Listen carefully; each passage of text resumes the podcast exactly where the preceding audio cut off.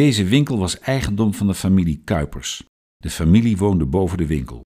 De laatste drie jaar van de oorlog was de zaak gesloten wegens schaarste aan goederen en de rompslomp van het distributiestelsel. Hier zaten van eind 1942 af vier Joodse onderduikers.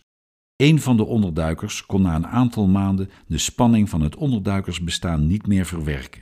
Hij maakte met behulp van vergif een eind aan zijn leven.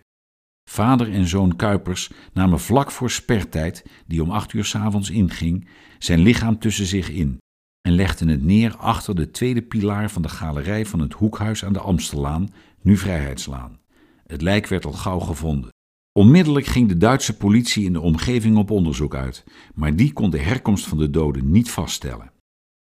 Zoon des huizes Eduard Kuipers maakte een nieuwsbulletin op basis van berichten van de Engelse radio.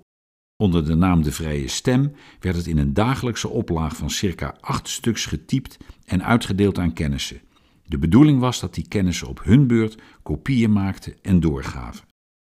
De Vrije Stem van zaterdag 5 mei 1945, nummer 165, bracht het nieuws van de capitulatie van de Duitse troepen in Nederland.